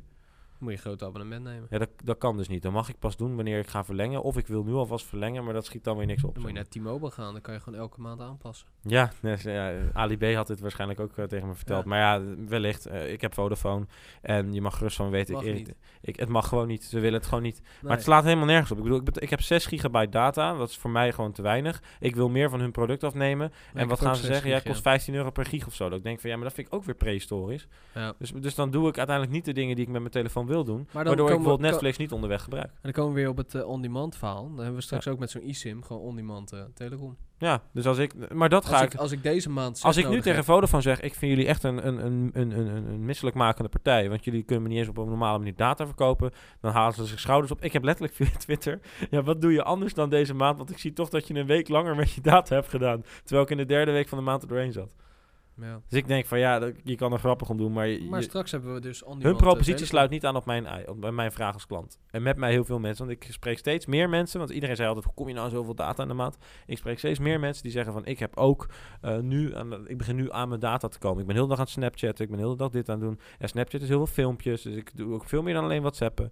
Dus je ziet dat het ook weer op een, een of andere manier eh, bij meer mensen gaat. En als de, als de massa van de, van de mensen, dus niet alleen ik, die ene gekke gast die een podcast opneemt en elke dag podcast luistert en daardoor heel veel data verstookt, Maar is het eh, elke maand? Wat zegt? Het is eh, bij mij iedere maand, dus eh, structureel, ja. Ja, oké. Maar als Maar ik, ineens, als ik ineens weg kan, Ik- met één druk op de knop, dan is het ineens interessant voor om de hel. Wat ik bij mezelf zie, ik heb, ik heb zelf 6 gig ook. En de ene maand zit ik er wel gigantisch overheen en de andere maand niet. Dus voor mij zou een on-demand eh, aanbieder Ja, zou is- heel erg interessant zijn. Precies, en het is Maar dat kan net- al. Het, het Ja. kan al binnen je, binnen je provider. Want ik zit dan bij, bij T-Mobile en ik kan ook zeggen van... Nou, ik doe er een blok bij of hoe heet dat... eh, ik doe een dingetje bij en dan heb ik er 2,5 gig bij voor, voor een x-bedrag per maand. Maar ik vind het te duur nu. Ik vind dat meen ik serieus. Ik Ja. bedoel, ik, ik vind sowieso al eh, telecom vind ik sowieso de verbinding vind ik al heel duur. Ik bedoel, ik betaal bij, eh, bij de Ziggo betaal je volgens mij eh 60 euro. Heb je onbeperkt internet, onbeperkt be- bellen, onbeperkt televisie kijken en onbeperkt eh, heel veel content krijg je daarvoor. Eh, terwijl je bij Vodafone betaal ik volgens mij 60 euro, heb ik 6 gig en onbeperkt bellen, sms'en. Ja. Volgens mij betaal ik 65 euro of zo. Oké, maar ik ga hem even Maar goed, ik, terugpakken. maar laten we hem even inderdaad Eh, want niet... we eh, waren, we ik, waren het is een enorme rant naar Vodafone ineens. We waren maar- over on-demand boodschappen. Ja, precies. En, en daar hadden we het over. We hebben het vorige keer over Picnic gehad. Dat is een, een winkel waarbij je bestelt. Ja. En uh, nou Picnic ja, had geen fysieke winkel. Geen Je fysieke ziet- winkel. Je ziet heel veel on-demand boodschappen wel bij eh, fysieke winkels. Dus een AH of een... eh, Jumbo, Jumbo zo ja. Die hebben vaak pick-up points in de winkel. maar ja, Dat dan moet je alsnog naar de winkel. Ja, en, maar ze hebben ook, ze, ze komen ook, Albert heb je natuurlijk ook, die, dat is ook gewoon bezorging. Ehm, en alleen, heel, heel veel mensen doen het nog niet, maar je ziet wel dat er een steeds grotere groep komt die het wel gaat doen. Ja. Want als, we hebben, als we kijken naar trends in het, eh, in, het, in, in, in, het, in, het westerse, in de westerse samenleving, zien we ook dat we het steeds drukker krijgen. Weet je, we, we, we, eh, als je kijkt naar het aantal uren dat je werkt en dergelijke, het aantal uren dat je met dingen bezighoudt, eh is groter geworden ten opzichte van, eh, van we, nemen pak een beetje de samenleving 50 jaar geleden. En dat is ook logisch, want we kunnen ook meer, we hebben meer toegang tot dingen dankzij die technologie ook weer. Dus we willen ook minder tijd verspillen aan dingen die we minder interessant vinden. Ja. En denk hierbij aan, aan, het, ma- aan het doen van boodschappen. Waarom zou ik in godsnaam, terwijl Lorenzo een selfie maakt in de podcast, Ja, tuurlijk. waarom zou ik in godsnaam een, ehm, een, een, een, een, een, bo- een boodschappenpakket gaan, of, of mijn eigen boodschappen gaan halen bij de Albert Heijn, en daar een uur van mijn tijd aan besteden, en dan door die winkel lopen iedere week, waar ik helemaal geen jij. zin in heb. Maar dat is precies... Ik zeg, Nee, dat maar dat ben, ben jij. ik. Dat ben ik. Daarvoor is het on-demand. Ja. Jij doet dat zo, maar ik doe het weer anders. Maar mijn buurvrouw die vindt het wel weer heerlijk om een uur of twee uur uit te trekken om door die Albertijn te Ja, banjeren. die staat waarschijnlijk Jotem, ik mag eindelijk weer de deur uit. Nee, maar heel, voor heel veel mensen Ja. is het ook een uitje. Dus voor onze generatie maar dat eh, zeg ik, is, dat is die- is dat echt heel, is dat echt dat is heel precies anders. dezelfde paradigma-botsing, zeg maar, of het botsen van twee werelden, als, als, als mijn vader en ik over televisie kijken. Ik word gillend gek als ik niet zelf mag bepalen wat ik mag zien, omdat ik dan denk van, Dat- wat is dit nou weer voor precies. hersenloos gebrabbel wat Ja. ik naar binnen krijg? En mijn vader denkt, nou, ik tv kijken is toch tijdverdrijf? Ja. Nu, Ja, nee, nu schets ik wel een heel eh, aparte, aparte, aparte situatie hoor. En het gaat niet zozeer om wie dat doet. Want als je televisie kijken leuk vindt, dan moet je dat helemaal zelf weten. En, maar ik vind het leuker om mijn eigen content te Ja. bepalen. Maar als je gaat kijken naar boodschappen doen, hè, dan heb je daar ook abonnementsvorm in. Ja, en dat is, eh, ja, ja, dat is een mooie, het mooie bruggetje inderdaad. Want buiten die, je ziet die on, eigenlijk zie je die on-demand eh businessmodellen ook een beetje veranderen. En je ziet ook dat daar weer abonnementstructuren in komen. Ja, mensen vinden het heel fijn om een abonnement af te sluiten en daar iets mee te kunnen. Lijkt wel, hè? Van nou, ik- of ze het fijn vinden is één ding, maar nou het, ja, het is, eh, vinden mensen kijk naar. Spotify. Nee, maar kijk naar Netflix. Mensen, mensen verhaal. zeggen van, nou ja, ik, eh, ik betaal maar eh, eh, 8 euro in de maand en ik kan alles kijken. Ja. Terwijl ze niet alles kijken. Nee, ze kijken zeker. Ze kijken twee series. Ja. Ja, en daar betaal je dan 8 euro voor. ma- Maar in hun hoofd is het zo van, nou, ik kan alles kijken. Wat nog steeds heel goedkoop is. Want als jij naar de Mediamarkt nu loopt en je koopt Ja. het seizoen eh, van een bepaalde serie, Maar dat is het al 20 euro. Maar zelf wat jij zegt met Spotify, ik kan alles luisteren. 10 euro. Maar niemand luistert alles. Nee, iedereen luistert alleen zijn favoriete artiest. Ja, precies. Jij luistert naar Pablo. Ja, ik luister naar Pablo, eh Kanye West. Ja. En nog wel meer hoor. Maar Ja. kijk, ik heb geen Spotify als ik naar mezelf kijk. Dat is wel even leuk om te zeggen. Ik, ik heb Apple Music gebruikt. Ehm, ik heb het nu, even kijken, tot, tot, tot het einde van Drie maanden- 2015 drie heb, ik, eh, heb ik het gebruikt. toch? Ja, ja. Nou, ik heb het nog verlengd ook. Ik heb Oh. denk ik een half jaar gehad. Ehm, maar mijn creditcardnummer is veranderd sinds 1 januari. Dus ik kan die niet meer afschrijven. Gelukkig, want ik hoef het ook niet meer. Oh. Want ik, ik, ik vond het, ik vond het niet, eh, niet lekker werken. Ik heb nooit Spotify gehad, moet ik eerlijk zeggen. Spotify heb ik ook nooit gehad. Maar als ik naar mezelf kijk als, als ik, als ik als luisteraar, luister ik naar een aantal artiesten, aantal albums. Mhm. Eh, en af en toe komt er wat nieuws bij en dan download ik dat, eh, koop ik uiteraard. Ja. En dan eh, zet ik dat op mijn telefoon en dan heb ik dat gewoon lokaal. Dan kan ik dat luisteren wanneer ik in het vliegtuig zit. Dan kom ik er Ja. niet ineens achter van, hé, hey, dit is niet lokaal. Want dat had ik dus met Apple Music, hè. Ah, Dat is echt- ja, dat is kut. Ja, toen was ik echt fucked up, want ik zat in het Je vliegtuig. zat acht uur ik- vliegtuig naar Tokio of zo, toch? Nou het? ja, nou, ik- ja, het was- het was een 20-urige reis naar, naar ja. Japan. En ik wilde wat muziek luisteren. Nou, op een gegeven moment heb je wel je, je, je dingetjes geluisterd. Dan ga je eens even door je, door, je, door je bibliotheek heen. Oh, dit staat niet lokaal. Dit trouwens niet, wel, dit eh, niet. Heel ik wil- vervelend. Ik, wil wel, eh, eh, ik heb ook Apple Music gebruikt. Ik ben weer terug naar Spotify. buiten die discussie van welke beter is. Ze hebben, het, ze hebben de laatste Apple Music geüpdate en het is nu wel beter. Je kan nu beter Ja? zien wanneer het lokaal staat. Ja, dat Oké. hebben ze goed gedaan. Ja, dat Want dat- kon ik dus eerst niet. Je kan Bijna zeggen niet. van maak, maak offline beschikbaar. Ja, maar, moet je, ja. Ja. maar nu staat het er wel netjes bij. Nu staat het Oké. er, er een icoontje bij. Maar eh, eh, bij, bij Spotify doen ze dat sowieso al beter. Ja, toch? Ik heb nu het nooit gebruikt, dus... Weet je waarom ik Spotify heb? Nou, Eh, niet omdat ik, ik... Ik luister sowieso dankzij Spotify meer muziek. ja, dat Andere wel. muziek? Dat had ik ook wel met Apple Music, Omdat- met die aanbevolen Nou, dingetjes. Spotify die zegt gewoon van, het is, dan druk je op bladeren en dan staat er afspeellijsten voor dit moment van de dag. En s ochtends staat er good morning. En ik moet, Ja, ja, goed. Ja, doen ik moet heel eerlijk zeggen, ik was een keer eh eh, eh, s s'nachts met een vrouwelijk metgezel en er stond er letterlijk bedroom jams tussen. Ja. Nou, dat is toch fantastisch? ja, zeker. Ik hoop niet dat de camera geactiveerd stond, waardoor ze op die manier mijn keuzes konden baseren. Nee hoor, dat is, dat is gekkigheid. Maar dat is, wel, dat is wel wat je wil. Ja. Spotify denkt met jou mee. Als ik ook ga hardlopen, dan zeggen ze... Oké, nou ja, jij houdt van dit soort muziek. Wil je hardlopen op dance? Wil je hardlopen op dit, op dit, op dit? Ja. En als ik dan heel hard ga lopen, dat is Spotify Running. Als ik heel snel ben, dan, gaan ze dus, dan gaat de beat, de beats per minute gaan omhoog. En als ik wat langzamer ga, wordt het even wat rustiger, want anders krijg je je koppijn van. Ja. En dat zijn Ja, dingen, dat dat, zijn van, dat, is, dat, is, dat, is, dat, is, dat heel netjes. Voor mij, voor, voor mij als persoon werkt het niet hoor. Ik, vind- ik, ik, ik, ik blader daar een keer doorheen. Ja. Eh, ik vind, eh, oké, en dan vind ik ook gelijk het leuke aan die on-demand, want waar gaat het knellen voor mij? En ik denk met mij nog best wel veel mensen, is dat je op een gegeven moment heel veel abonnementen hebt op heel veel van die on-demand diensten, maar dan wordt het weer heel erg veel. dat zie je En, wel. eh, en, dat- en dat beknelt je, omdat je het gevoel hebt, ik heb geen vrijheid meer. Nog iets, een patépas. Ja, dat is een limited pas, is ja. eigenlijk gewoon eh on-demand bioscoop. Is gewoon Netflix, maar Ja. dan daar. Ik, eh, ik heb denk ik drie jaar die pas gehad. En op een gegeven moment ging één ik keer heel weinig. geweest. Ik ben één keer Eén keer geweest. ik heb drie jaar die pas gehad. Ik ben één keer geweest. Ik heb drie jaar die pas gehad. Ik ben, een, ander, ik ben een halve keer geweest. Dat Toen ben ik in slaap gevallen. Ja, ja. Nee, Ja. nee maar dit Ik is betaal er nog steeds voor. Ja, maar ik bioscoop nog demand. mensen, Ja. Ja, gelukkig wel.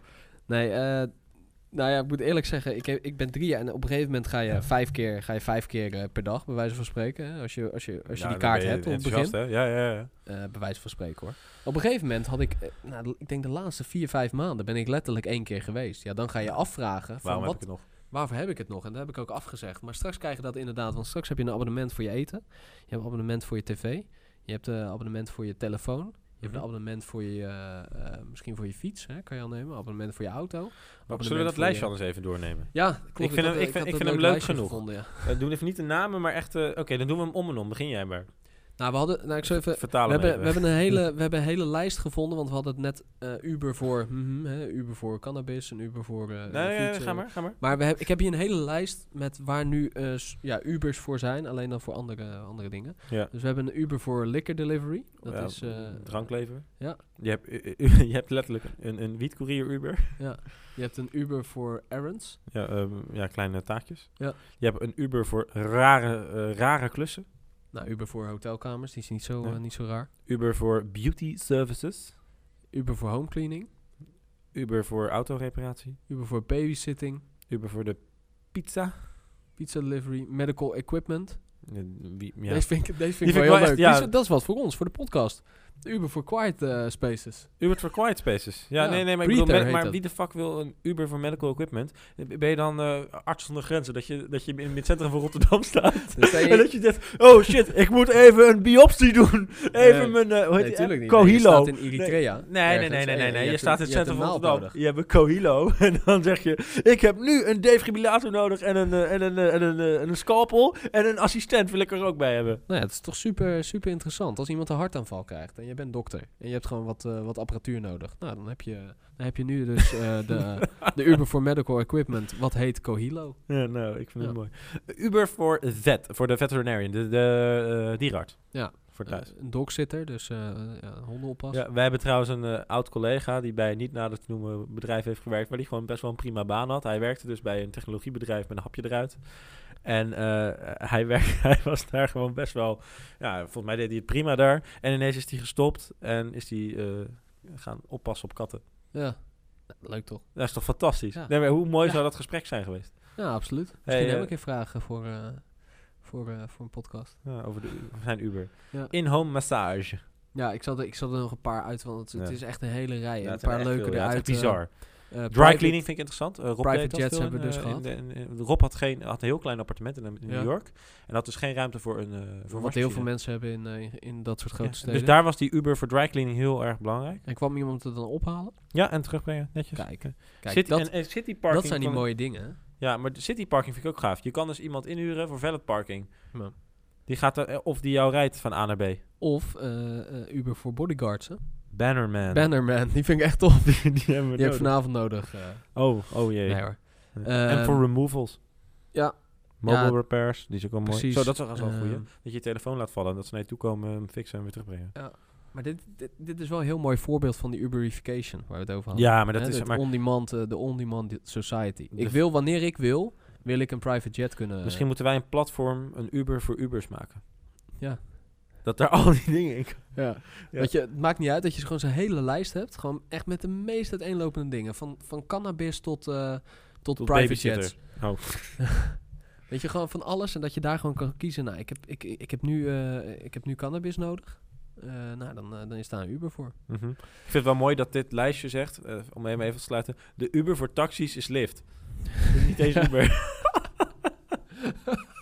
ja, vind ik echt mooi. Maar, eh, maar goed, dan komen we terug Maar op, de- wat op we hiermee willen zeggen... De- wat ik wil zeggen is, we hebben een beknelling van vrijheid. Ja. Als jij een abonnement hebt, dus om die abonnementstructuur een beetje terug te pakken, en je hebt heel veel abonnementen, je hebt bijvoorbeeld Hello Fresh, en je gaat op vakantie, je komt terug, er staan tien van die dozen te vergaan. ja. Dan denk je, shit, ik, ik draai een beetje door. En ook het feit dat je dan op een gegeven moment, ik, ik wil vanavond dit eten, oh nee, dat kan niet, want Hello Fresh heeft al voor mij be- Maar da- bepaald daarom hebben we de on-demand abonnementsvormen nodig. Wel, nou ja, ik, ik vind een abonnementsvorm prima, maar er moet ook een hele goede, makkelijke Kijk, een, en duidelijke manier zijn dat je ook zegt, ik wil nu even niet. ja, een on-demand Maar dat doen ze abonnementsservice is als ik bijvoorbeeld een patépas zou nemen... en ik zeg van, nou jongens, deze maand ga ik niet... dan heb ik hem niet nodig. Ja, maar dat Prima, willen ze niet. Want ze willen, Nee, tuurlijk, bedrijven willen die abonnementen omdat ze denken, oh, nu kan ik heel die inkomsten over de maand. Heb ik zekerheid? Heb ik 12 keer 10 Dat is euro van Lorenzo of 20? Ik weet. Abonnementsvormen ehm, is, is de droom voor elke, eh, voor elke Tuurlijk. ondernemer. Maar het is ook, een, het is ook een, ja, dan word je wakker als consument en dan denk je ook, dit gaat hem niet meer worden. Nee. En ik denk dat we dat steeds meer gaan zien. Ik vind dat er heel veel partijen doorslaan. Ik weet niet, ken je Nest? Die maken die thermostaat en die Mhm. beveiligingscamera. Die camera kost volgens mij 200 euro, die beveiligingscamera. Maar dan moet je er een abonnement bij nemen van 10 euro per maand om, je, om, je, om, om, om überhaupt om te gebruiken. Want dan neemt hij het op en dan zet hij het op de server. Mhm. Maar je kan niet Google Drive gebruiken. Terwijl Google Drive qua opslag veel goedkoper is. Hetzelfde bedrijf, Nest is van Google. Ja. Je betaalt 10 euro per maand voor. En heel veel mensen denken, ja, ja, Ja, doe ik wel. belachelijk. 120 euro per jaar. Dat is, dat is gewoon de helft van, meer dan de helft van de prijs van het apparaat. Apple doet dat nu ook. Ja. Weet je, dan neem je een abonnement op een iPhone. Die vind ik trouwens wel interessant. Want als die dan, als je, hem- dat is ook gelijk een verzekering. En sowieso, een iPhone is een product die je toch nooit... Nou, dat doen ze goed ook, hè? Maar ik zie ook voor me... eh, die iPhone-abonnementen. Maar je ziet ook een dat- nieuw, nieuw model kan. Eigenlijk gebeurt het ook in de automarkt. Je ziet dat private lease ook steeds meer ge- Mm. opkomt. En private lease is eigenlijk een abonnement op een auto. Ja. Zeker Ja, als er een tankpas bij zit. Mhm. Weet je, dan dat is ideaal. Ja. En ik denk dat we, als we dit kunnen concluderen... eh, ik ja, weet want niet, we gaan eh, naar een afronding toe. Ja, ja we, we hebben, we hebben de infrastructuur, we hebben de technologie en we hebben de platformen om, om, om die man te leveren op een veel efficiëntere manier dan vroeger. Ja, en dat zie je ook eh, nou, bij de voorbeelden die we net hebben genoemd. Dat ik vind de mooiste voorbeelden, vind ik, het mooiste voorbeeld vind ik trouwens, en nog steeds, eh, Uber en Airbnb. Ja, nee, Want Daar hebben we het ook over. zijn- Luister ook als je dit interessant vindt. lu- Luister zeker de eerste aflevering Ja, ook terug nou, dat, zijn, dat zijn natuurlijk de, dat is het schoolvoorbeeld van, eh, van, hoe- van hoe het moet. Want eigenlijk is dit eh, wat we waar Uber, Uber, het Uberification van. eh, Uberification. ja, ja, het mooie woord. Ja. Dat is eigenlijk is, is, is, een, is, een, is een manier van zaken doen. Is niet, een, is niet iets anders, maar het is hoe je, je interacteert anders. Net zoals dat je, dat je gaat zelfscannen in een winkel. Dat maakt niet het winkelen anders, maar het proces om te winkelen anders. Precies. Kijk, die, die taxi, die is hetzelfde. Weet je, dat, dat is een auto met een man erin, En- die jou van A naar B rijdt. En eventuele andere wijzigingen daarin is niet het punt. Precies. De, weet je, de, de dienst is hetzelfde. Alleen het aanbieden van die dienst is op een, op een geheel andere manier eh, aangeboden. En, ook, en dat werkt ook. Nee, en, precies. en daarvoor, weet je, die, die lijst die we net hebben opgenoemd van Uber. ehm, alle Ubers voor, ja, you name it. Maakt gewoon heel mooi duidelijk dat dat wel de toekomst is. Ja. De on-demand eh, society. En ehm, ja, daarbij is het natuurlijk voor, eh, voor consumenten nog steeds gewoon vanzelfsprekend dat je met een druk op de knop, eh, weet je, als ik nu een pizza wil bestellen, dan wil ik dat in de Domino's app doen. Ik wil kiezen wat ik op wil. En, en, ja. en, en ik betaal op mijn telefoon met PayPal. Ja. En ik ben klaar. En dan komt het hierheen. Maar dat gebeurt Dat al. En ik denk ook dat dat steeds meer. Ik ik denk als we kijken naar de wereld van morgen. We gaan steeds meer van dit soort eh, businessmodellen zien. Ja. We gaan het ook steeds meer toegepast zien worden op een goede manier. Eh, ik denk dat het ook steeds. eh, omdat je. Dat is het op een goede manier. Want we hebben dat is het. Maar dat, dat komt. Dat, voorbeelden gegeven. ja, maar En heel veel voorbeelden zijn natuurlijk... het, je kan het niet meer fout doen bijna. Je hebt een voorbeeld hoe het moet. En als je daaraan voldoet, dat Uber, is Uber. Is, is de goede manier. Ja, als jij, als jij, als jij aan als, als je als Uber als minimale neemt, dus zeg maar gewoon het betalen, et cetera. We hebben genoeg goede appontwikkelaars in de wereld. Ja. Het, het is gewoon We hebben mogelijk. het platform, we hebben de mobiele telefoon. je hoeft het niet meer te bedenken eigenlijk. Nee, we hebben de infrastructuur, we hebben kan de ook een middelen, platform we hebben alles. inderdaad. Ons platform waar wij net over hadden, wat we gaan De bedenken. Uber voor Uber. De Uber voor Uber, die gaan wij... Staat er niet tussen. Die staat er niet tussen. Wij, wij hebben nu echt een, eh, een kans. Primeur. Ja. Dit Ja. moeten we er wel uitknippen dan, hè? Ja. De piep, gewoon een lange piep. Als hoor. jij een, een investeerder bent ziet Ja. twee hele capabele... Nee, nee, nee. Maar eh, Nee, maar we, we gaan gewoon in de toekomst, om hem af te sluiten, we gaan in de toekomst ehm, eh, alleen maar eh, zien ontwikkelen, dit Mhm. fenomeen. En ehm het is zowel voor de consument als voor de, voor de ondernemers. En voor de mensen die denken van, nou ja, we- jullie hadden het toch ook over een hele andere doelgroep. De generatie na jullie, die hebben dat toch helemaal niet. En we hebben te maken met vergrijzing. Dat klopt, maar we hebben het over de wereld van morgen. En ik denk dat als de wereld van morgen wordt uiteindelijk bepaald door de innovators ook en Ja. de, dergelijke. En dat zijn wij. Met wij bedoel ik de jongere generatie over het algemeen. En zeker de generatie nog na ons. En de generatie na ons al helemaal. En ik denk ook dat dat, eh, dat, dat, dat gaat een hele groep, grote groep in mee. En de groep die er niet in meegaat, die zullen dan op die manier blijven Ja. bediend worden. Maar dat zal dan langzaam, zoals het altijd met een paradigma gaat, hè, Ja. zal langzaam worden afge, afgevaagd. Eh, en dat klinkt heel negatief, maar ja, ja dat is ook Dus de hè. Uberification is geen bubbel, maar het is gewoon de toekomst. Eh, nou ja, misschien, misschien, misschien met een kanttekening van dat ik wat ik zei. Hè? Dus wel wat meer, dat je toch wat meer de controle ook weer terugpakt. Mhm. En dat is ontwikkeling. Dus nog de on-demand op het on-demand. Wellicht. Ja, dat is een Mooie mooie afsluiter, afsluiter, toch? Ja, ja dat Oké. vind ik een goeie. Eh, volgende aflevering. ehm, we gaan waarschijnlijk wel weer een special doen. Ja, Dit was de aflevering van maart, 1 maart, uit het mooie Rotterdam. Die, jazeker. Als je nu de video kijkt, wat een schitterend uitzicht hebben. Ja, dankzij ik, dat... ik, eh, ga, ik ga gewoon... eh, doe jij even de afsluiten? Ik ga nog even voor de, voor de kijkers, eh, voor de video, ga ik hem nog even omhoog doen. Want dan kunnen we de stad nog even zien. Oké, nee, dat is, eh, dat is inderdaad een hele goede. Oké. Nou, dan wil ik op, deze, eh, op, op dit moment wil ik een aantal mensen bedanken. Wil ik Rob Voets bedanken voor het maken van onze website, het designen. Wil ik Wesley van der Stel bedanken voor het eh, developen van onze eh, de website. Wil ik Moby bedanken voor het gebruik van zijn muziek, wat je waarschijnlijk ook nu eh, op de achtergrond eh, hoort. Wil ik sowieso de gemeente, eh, de bi- bibliotheek van deze gemeente bedanken. Volgens mij valt het ook onder de gemeente Rotterdam. Maar de bibliotheek Rotterdam wil ik bedanken voor het feit dat wij gebruik mochten maken van deze ruimte. En als we dan toch bezig zijn, dan wil ik jou ook bedanken, Lorenzo. Ja, dankjewel. Voor jouw aanwezigheid en voor het En opnemen van alweer de vijfde Wereld van Morgen hier. podcast. Ja, inderdaad. Ik wil nog wel even de kanalen eh, noemen waar we te vinden zijn. We zijn natuurlijk te vinden op eh www.wereldvanmorgenpodcast. NL. Inderdaad. En we hebben natuurlijk onze Facebook Wereld van Morgen eh, podcast. Eh, we hebben de Twitter. Het WVM podcast. Ja, we hebben de Twitter, we hebben de Instagram, noem Ja. maar op. Natuurlijk te vinden, we plaatsen even wat linkjes eh Ja, waar je dit in kan de, in vinden. de beschrijving van de podcast. Eh, en ook waar je de video kan vinden wat we, wat we net YouTube. hebben opgenomen. Ja, zoek op YouTube gewoon Wereld... En, Weet je wat het is? Zoek gewoon op On Demand Wereld van Morgen podcast. Ja. En je vindt ons overal nergens. Ja, precies. Ja. Nou, Nick, super bedankt. Eh, Ik vond het, eh, ik vond het leuk. Ja. Ik denk dat we snel naar buiten gaan en een terrasje gaan pakken, Ja. want het is een fantastisch weer. Ja, het is echt... eh, laten we even Voorjaarsweer. Het is, het is bijna. Het is, is wel, wat zegt mijn horloge? Mijn, oh, ja, sorry. Ja, ja, ik heb geen datum op mijn Apple Watch. Oh jee. Oh. nou, Nick, bedankt. Nee. Eh, Eh, maar eh, nee, het is, het, het is hartstikke lekker weer. Ehm, mocht jij adverteerder zijn of, of denken van ik wil, deze, ik wil adverteren in de Wereld van Morgen podcast.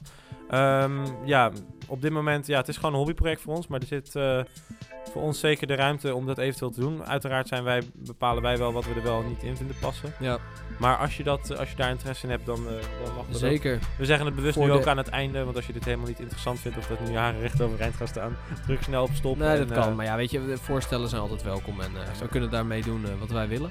Ik wil je bedanken, Nick. Het was weer een leuke, leuke podcast. En, Hoop ik. Ja, tot de volgende keer. Tot de volgende.